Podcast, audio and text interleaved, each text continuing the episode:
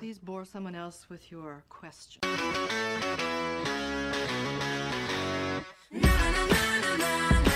שלום, אני עמיתי מינצר, והתמכרתי לרימייק החדש של גוסיפ גרל. צ'אק בגרסה הזאת הוא שווה יותר וגם בי. לא, הוא באמת הכי שווה אבל. הוא ממש שווה. הכי שווה. הסצנות שלו ושל המורה שלו הן, Mm. כן, Mm, mm. סליחה אימא. ואני תמר יחיא, והיום ראיתי אה, כזה לינק לחליפת מכנסיים וחולצת פיג'מה, וואו, שעלו 400 שקל, וואו. והיה לא לי, היה לי. חמש דקות של מחשבה רצינית להוציא את הכסף הזה. אוקיי, סבבה. חמש דקות זה בסדר. כן. אולי, אולי זה עוד יתנקם בי, אין לדעת. כן. ברוכות השבועות לפודקאסט אלוהים לובשת פראדה, שבו אנחנו מדברות על פרשת השבוע ועל תיאוריות פמיניסטיות וקוויריות ונושאים מעניינים בנושא של מגדר וזהות מגדרית.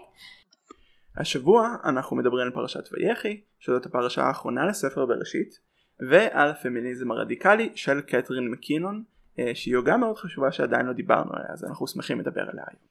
ובעיקר נתעסק בפרק הזה בפן בהגות שלה שעוסק באלימות מינית.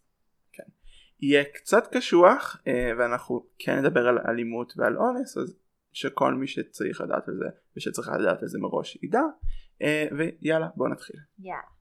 אנחנו מתחילים בלראות את יעקב על מיטת הדווי שלו, מיטת הדווי, ערש דווי, כן, ארז טוב. מיטת מותו, מיטת... יעקב גוסס.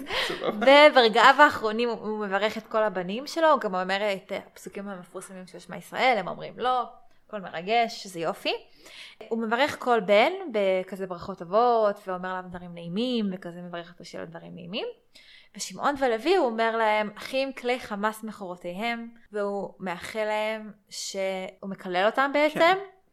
והוא מקלל אותם בזה שהם יהיו נפוצים בין השבטים והם לא יהיו שבט בפני עצמם. ובשביל להבין למה הוא עושה את זה, צריך להבין קצת את הסיפור של אונס דינה. כן. אין דינה היא הבת היחידה של יעקב. אוקיי, יפה. הדרשת בת מצווה שלי הייתה על זה שזה הפרשה שלי זה ויצא, שבה נותנים שמות לכל הבנים, מהמם. וכל בן מסבירים למה קוראים לו, ורק לדינה לא מסבירים איך קוראים לה. מופתעים לאן שהגעתי היום? לא. בכל מקרה, דינה היא הבת היחידה של יעקב, ובעצם מוקדם יותר בספר בראשית מתואר סיפור שבו דינה יוצאת לאנשהו, לשדה או וואטאבר, לאן שיצאו אז, ומופיע שכם, שהוא דמות חדשה, מהמם. גוי, כן, ואונס אותה, ואחרי שהוא אונס אותה הוא גם מתאהב בה, מאמי, כן. והוא רוצה להתחתן איתה. שמעון ולוי אומרים לו אין בעיה אתה יכול להתחתן איתה רק אם תמול את כל יושבי העיר שלך. שוב גברים מקסימים עדינים ככה רומנטיקנים. אה, ושכם אומר נראה לו סבבה והוא מל את כל הגברים בעיר שלו שזה כבר. דבר. אה, ואז שמעון ולוי המניאקים כשכל תושבי העיר שכם מסכנים בגלל שמלו אותם באים ורוצחים את כולם. ואז יעקב כועס עליהם, למה הוא כועס עליהם? כי הם הרסו את השם שלו. ולא כי הם הרגו כאילו המון המון גברים. כן. וכזה הבאשתם את שמי ופחות כזה רצחתם הרבה אנשים. כן. גם פחות מעניין אותם מה שקורה לדינה. בתכלס שזה בעצם מה שמעצבן שמעון ולוי, כי התגובה שלהם זה הכזונה יעשה את אחותנו. אה, שזאת גם תגובה מעניינת, כי כאילו לא אכפת לי. מעניין. כן. כלומר יש פה שני, שלושה גברים בסיפור, שכם, שמעון ולוי, אני מאחלת אותם לדמות אחת, כן. ויעקב. ומה שמעניין, גם את יעקב וגם את שמעון ולוי, זה השם שלהם. כן, הכבוד כלומר, שלהם. כן, כאילו יעקב מעניין אותו העובדה שבגלל שהם רצחו אנשים בלי סיבה הם פגעו בשם שלו, ושמעון ולוי מעניין אותם העובדה שבגלל ששכם אנס את אחותם הם פגעו, הוא פגע בשם שלהם. כן, ודינה נשארת פה שוב מושתקת לגמרי. כן, האונס שלה או איך שהיא מרגישה פחות. הוא רק ביטוי ל- לסטטוס המעמדי או לכבוד של הגברים שמקיפים אותה. כן, אמ, ואפילו אולי חיזוק בזה שפחות אכפת לנו מדינה, אה, הרבה מהפרשנים, הפסוק שמתאר את איך שהיא יוצאת, מתחיל ב "ותצא דינה בת לאה אשר ילדה ליעקב לראות בבנות הארץ", והרבה מהמפרשים מתייחסים ליציאה הזאת בתור מין איזושהי הפקרות כזאת, שהיא הייתה יצאנית, שהיא אה, כזה הראתה את עצמה לכולם, ואז טיפה לסבי מצידה באמת לצאת לראות בבנות הארץ. כן, נכון. אבל באמת התגובה הראויה זה אה, האונס על ידי שכם. אה, סליחה. השיח הזה שבו נשים והמיניות של נשים היא רק כלי משחק בתוך המשחק הגדול של הכבוד והסטטוס של הגברים, מביא אותנו לתיאוריה של קתרין מקינון. כן. אז מי זאת בעצם קתרין מקינון? טוב, אז מקינון היא פרופסור למשפטים באוניברסיטת מישיגן, והיא אקטיביסטית והוגה פמיניסטית, אז אזור שהיא הכי השפיעה עליו זה הפמיניזם הרדיקלי. מה זה פמיניזם רדיקלי, אתן שואלות? אה, פמיניזם רדיקלי, רדיקלי זה מלשון שורשי, והמטרה של הפמיניזם הרדיקלי זה לעקור באופן שורשי את מערכת הדיכוי הפטריארכלית. כלומר, הטענה של הפמיניזם הרדיקלי זה שלעולם לא נגיע לשוויון מלא עד שאנחנו נמוטט מהיסוד את המערכת החברתית שאנחנו חיים בה, שזאת מערכת שבה גברים שולטים על נשים. עכשיו, למקינון יש טייק מאוד מעניין על איך השליטה הזאת מתרחשת. היא אומרת שההבדלים שאנחנו רואים בעולם בין גברים לבין נשים, אה, מה שאנחנו מסבירים באמצעות אולי הטבע, נשים אמורות להיות ביישניות ונשלטות, גברים אמורים להיות אגרסיביים ודומיננטיים. הדבר הזה זה בעצם הצדקה לשליטה היררכית מעמדית, כמו הרבה שליטות שאנחנו מכירים בעולם. כמו שלבנים הצדיקו את השליטה שלהם על שחורים בזה שהם נאורים ומתקדמים והשחורים פרימיטיביים, ככה גברים מצדיקים את השליטה שלהם בנשים בזה שהם רציונליים וחכמים, ונשים הם היסטריות ורגישות. כל התכונות הנשיות והתכונות הגבריות שגוזרות תפקידים חברתיים בחברה, זה בעצם איזשהו כסות למערכת היררכית אה, של גברים מעל נשים. והפמיניזם של מקינון מתעסק אך ורק בשאלה של איך אני יכולה לשבור את מערכת היחסים ההיררכית הזאת. בתוך כל הפמיניזם הרדיקלי, מקינון אומרת המון דברים מאוד חשובים, אבל אנחנו מתמקדים בפרק הזה על ההתייחסות של מקינון להטרדות מיניות אה, ולאונס, אלימות מינית, אלימות מינית אה, וליחסי מין באופן כללי. גם כאן היא אמרה עוד הרבה דברים אחרים, זה מין כזה טיפה ו... והיכרות איתה. אה, את המידע שהוצאנו בנוגע אליה קראנו ממאמר של אורית קמיר אה, שהיא כותבת על, על קתרין מקינון ועל הפמיניזם המשפטי שלה וזה הולך ככה. מקינון אומרת שהמיניות שנמצאת כיום בחברה היא בסך הכל לבוש שמלבישים על המערכת היחסים ההיררכית בין גברים ונשים. מה זאת אומרת? זה משפט מאוד אה, מאוד מפוצץ. יחסי המין ההטרוסקסואליים, יחסי מין באופן כללי, זה דבר פיזי חסר משמעות ערכית, זה פשוט דבר שמתרחש בעולם. מקינון אומרת שבני האדם, הגברים, לקחו מערכות יחסים, את ההיררכיה ביניהם לבין הנשים והלבישו את זה על יחסי המין. Mm. איך אנחנו רואים את זה בעולם? תחשבו על הדרך שאתם מדברים על uh, סקס. Uh, אנחנו משתמשים במילים כמו לזיין, לדפוק, לתקוע, וזה מילים אלימות. הדרך שאנחנו מדמיינים מיניות בין גברים לבין נשים, הרבה פעמים זה גברים אלימים ואגרסיביים ונשים שהן כנועות ונשלטות. Mm-hmm. אפשר גם לחשוב על איך אנחנו מתייחסים לגברים ולנשים שמקיימים הרבה יחסי מין. גבר הוא זיין, הוא תותח, שוב, מיליטנטי, כן, אה, גברי. חיה, מכונה. כן, ואישה היא זונה, אה, כלומר, היא נותנת, היא נותנת, כן. אישה מפסידה משהו וגבר מרוויח. כן, yeah. כלומר אין שום דבר בסקס נטול הקשר תרבותי, כאילו, שמחייב איזושהי כפייה או מחייב איזושהי אלימות. המעשה עצמו הוא לא מעשה אלים, הוא מעשה פשוט טבעי ו... ועוד אחד מדברים שבני אדם יכולים לעשות. אבל בתוך ההקשר התרבותי שלנו, לקחנו גם את יחסי המין והפכנו אותם לחלק בניסיון לדכא נשים. כן. הלבשנו לדבר הטבעי הזה את יחסי הכוח האלה. וכיום בתרבות שלנו אי אפשר לקיים יחסי מין בלי באיזשהו מקום למלא תפקיד בהיררכיה החברתית הזאת. בדיוק. וזה גם נראה לי שזה מקרה סופר מעניין, אנחנו מדברים הרבה בפודקאסט על כזה טבע התרבות, שזה מתחיל להתערבב, כי אנשים רוצים לקיים יחסי מין ואז הם מקיימים אותם בדרך שמבטאת היררכיה מסוימת, וזה הופך את כל הביולוגי חברתי למאוד מעורבב. ואם קשה לכם להבין על מה אנחנו מדברים וזה מרגיש לכם מנותק, תחשבו על ההבדל בין העובדה שאתם רעבים לזה שאתם ממש רוצים המבורגר.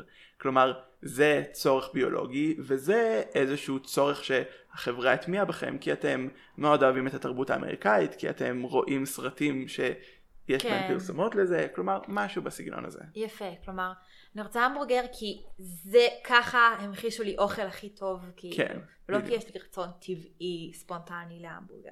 באותה מידה כאילו הפן האלים כן. במערכות, במערכות יחסים מיניות ובסקס הטרוסקסואלי, הוא לא אלים מכורח הסקס, כלומר מכורח האוכל בהשוואה, כן. אלא הוא סוג מסוים של אופן ושל תפיסה של מין. שהיא הפכה להיות הברור מאליו בחברה שלנו. בדיוק. בדיוק. אמ, עכשיו, מה גאוני בצורת השליטה הזאת? אמ, שאנחנו לא באמת יכולים לזהות איתה, או הרבה יותר קשה לזהות אותה. כי אם ההיררכיה בחברה מתוחזקת על ידי יחסי מין, יחסי מין זה דבר מאוד טבעי, זה כל אחד יגיד לכם שזה הדבר הכי טבעי בעולם, כלומר המטרה של כל פרט ביולוגי זה להעמיד כמה שיותר צאצאים, ואז להחביא את ההיררכיה, את יחסי הכוחות ביחסי מין, זה דרך לטשטש את העובדה אה, שבאמת יש כאן שליטה מסוימת. כן. מפה אנחנו מגיעים לתיאוריה, לצד היותר רדיקלי בתיאוריה הכבר רדיקלית הזאת של מקינון, שבו בעצם היא מתייחסת לאלימות מינית. מקינון טוענת שבניגוד לתפיסה הכללית והרווחת שמפרידה אלימות מינית מיחסי מין, כלומר אדם שיש משפט מפורסם שאומר שלקרוא לאונס סקס זה כמו לקרוא לרצח עם מהדר גינון. כאילו הוא רואה באונס ובהטרדת מינית צורה של אלימות, לא צורה של מין. אמ, בניגוד למחשבה הזאת שאנשים שתוקפים תוקפים מינית והם, אה, והם אלימים מינית הם אנשים סוטים, יוצאי דופן, חריגות מן הכלל, שלוקחים את הדבר היפה הזה והופכים אותו למשהו אלים בגלל איזושהי סטייה פסיכולוגית שלהם. קטרין מקינון אומרת לא, אלימות מינית היא חלק מהשיטה הפטריארכלית של שליטה גברית בנשים. אין פה שום דבר בטעות או אין שום דבר חריג. אלא יש פה איזשהו אמצעי כפייה שמזכיר לנשים כל הזמן את הנחיתות שלהם, הנחיתות המינית שלהם. כן. מה שמאוד מאוד מדכא בתפיסת עולם הזאת זה שהיא רואה הטרדות מיניות ואונס לא כדבר, לא כתאונה, לא כדבר שקורה אה, כשאנשים רעים עושים אותו. Mm-hmm. אה, מקינון ממשיגה את האלימות המינית בתור משהו שהוא מצד אחד אה, מאוד כאוטי ושרירותי, כלומר זה מבוצע בכל שכבות החברה ואי אפשר לצפות את זה מראש וזה גם במערכות יחסים מאוד אינטימיות אבל מהצד השני דבר שמתנהל תמיד כדי שגברים ישלטו בנשים כלומר האלימות הזאת והפגיעות האלה זה ממש זה שזה מתבצע כל הזמן ובכל מקום זה נועד לשמור על זה שהאישה תמיד תפחד מהגבר אה, ומהאפשרות שהוא יפגע בה או יאנוס אותה או יתקוף אותה מינית. אני חייבת להגיד שיש בגישה הזאת גם הקלה מסוימת כאישה וגם פחד. כלומר מצד אחד זה מנסח איזושהי חוויה נשית מאוד בסיסית שהיא העובדה שאת אובייקט מיני ושהגוף שלך מותר לגברים להטריד אותך וגם את הנפש שלך זה דבר שבאמת מגביל נשים ו... ומאיים עליהם ומכניס איזשהו טרור באמת לחיים שלנו. אני יכולה להגיד שאני כשהתחלתי לעבוד פול טיים השנה, נתקלתי לראשונה בעובדה שבהטרדות מיניות במקום העבודה, והייתי בהלם מזה, זה נראה לי סיפורים, אתה מבין? כן. כאילו, מה, אנשים עדיין עושים את זה? כן, הם עדיין עושים את זה. בן אדם בן 60 הרגיש בנוח לבוא ולשאול אותי אם אני מתעמלת קרקע, כי ישבתי עם הברך על הכיסא. כאילו, דוחה. מה זה? כן. מי אתה?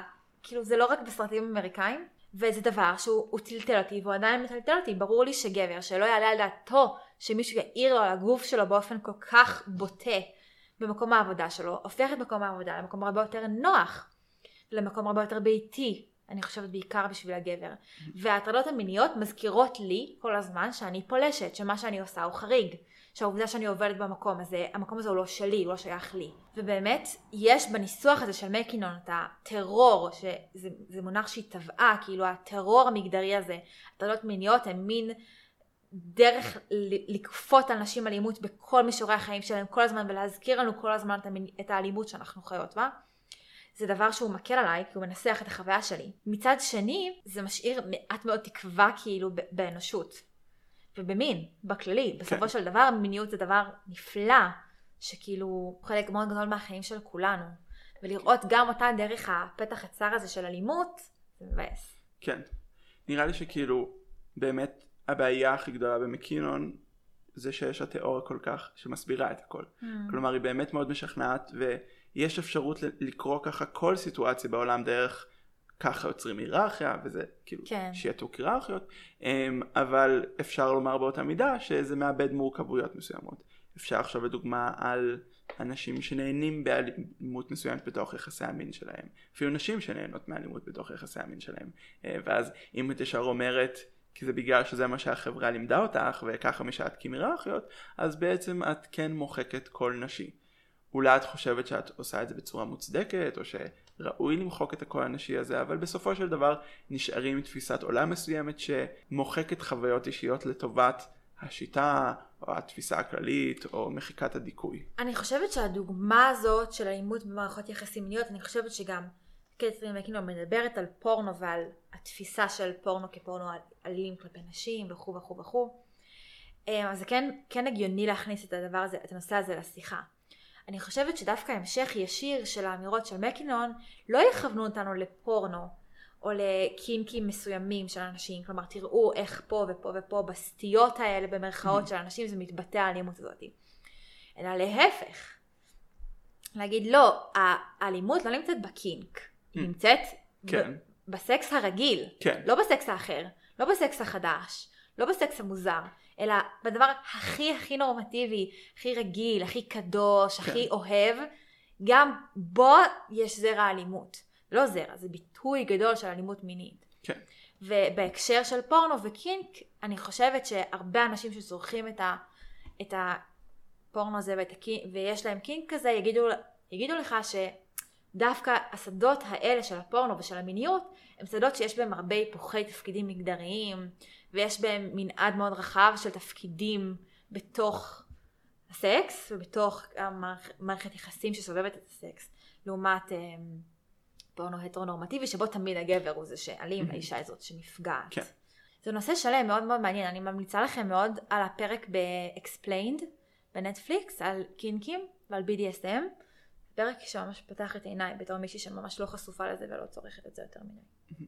הפאנץ' אה, אני חושב הסופי של מקינון בנוגע לכל העניין הזה של לחיות עם טרור יומי אה, בחברה זה שהיא חושבת שבסופו של דבר זה גורם לנשים להתנהג בצורה מאוד מסוימת. החשש התמידי מזה שיקרה לך משהו רע גורם לך להתלבש בצורה מסוימת, ללכת ברחוב בצורה מסוימת, להימנע מאירועים מסוימים, לא לצאת אה, לבד שיכורה. היו לי הרבה מקרים שהלכתי ברחוב שיכור אחרי מסיבה וכאילו כן. לא היה לי אכפת, זה גם מאוד כיף ללכת לבד בלילה שיכור אחרי מסיבה, כן. אבל כאילו זאת חוויית חיים שיכולה להיות רק לגבר כן. לבן בישראל. כן, לגמרי. הדבר הזה בעצם מכתיב את, את ההתנהגות הנשית גם כשהוא לא נמצא באופן ברור ופרקטי בחדר. כלומר, המחשבה שאני עלולה להיות מוטרדת מינית מכתיבה את מה שאני אלבש איך שאני אתנהג מראש, וגם המחשבה פשוט על התפקידים המגדריים שלי בתוך חלק מההיררכיה הזאתי.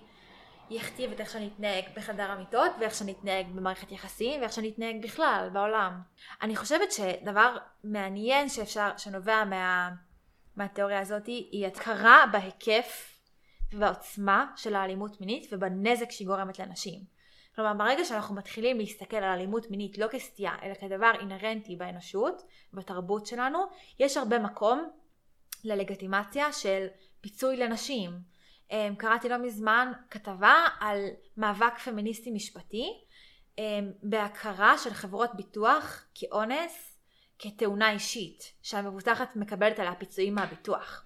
פתאום אני אומרת לעצמי, וואו, זה כל כך הגיוני שיהיה ביטוח לאונס. כן. כאילו אנשים עושים ביטוח לתאונות דרכים, ביטוח חיים וביטוח טיולים, והנה חוויה נשית כל כך כל כך נפוצה לצערנו הרב, ואין אף גורם בחברה שנראה לו הגיוני שהוא. יפצה את האישה שחווה את זה. אמ, כלומר, יש האלמנט אולי יותר אופטימי במרכאות בתיאוריה הזאתי, היא ההכרה בהיקף ובגודל של האלימות המינית, ועכשיו אפשר להתחיל לחשוב על איך אנחנו מתמודדים עם הדבר הזה, ואיך אנחנו נותנים בחזרה לאנשים את מה שנלקח מהם בכוח. כן, ממש אהבתי את זה, ואני גם ממש מסכים, ואני חייב לומר, זה היה ממש מוזר, כי הסתכלתי על הדקות והייתי כזה, צריך לסיים את זה בצורה אופטימית, ואז אמרתי, אוקיי, מה החלק האופטימי בהגות שלה? ואז את אמרת את זה בזמנית. מאמי. זה היה... קצת התרגשתי, היה פרק מתקן למרות זאת, אבל קצת, כאילו קצת. אני אגיד כן. שאולי עוד דבר אופטימי אחרון שאפשר להגיד, שבסופו של דבר האמירה של התורה על כל הסיפור הזה היא אמירה נגד. כן, כלומר, התורה לא רואה בחיוב את המפגן האלימות הגברי הזה, לא של שכם ולא של שמעון ולוי. אמ, ובסוף הדבר האחרון שיעקב אומר לשמעון ולוי זה שהם ארורים. וזה אולי לא הכי 121, אבל זה כן נכתב כאילו במינוס 5,000 או משהו כזה. משהו בסגנון. אלו היינו אנחנו. תודה שהייתם איתנו. כן, Um, בפרק הבא אנחנו מתחילים את חומש שמות, בהחלט. בפרק מקסים על קצת ההפך, אני חושבת, מאלימות מינית ועל יחסים בין גברים ונשים. אנחנו עוברים לדבר על מושג מהמם שנקרא הרצף הלסבי, הקיום הלסבי. כן, Um, וזה פרק ככה באמת הרבה יותר נעים ורך ומנחם ואופטימי. בהחלט. וזהו, אנחנו ממליצים לכם גם לעקוב אחרינו באינסטגרם המהמם שלנו, שככה חודש והומם בכמה חודשים האחרונים. אתם יכולים למצוא אותנו בגד קו תחתון where's Prada באינסטגרם, וזהו בעצם, בהחלט. היה כיף. בערך. נכון. אמ, ביי. ביי, שבת שלום. שבת שלום.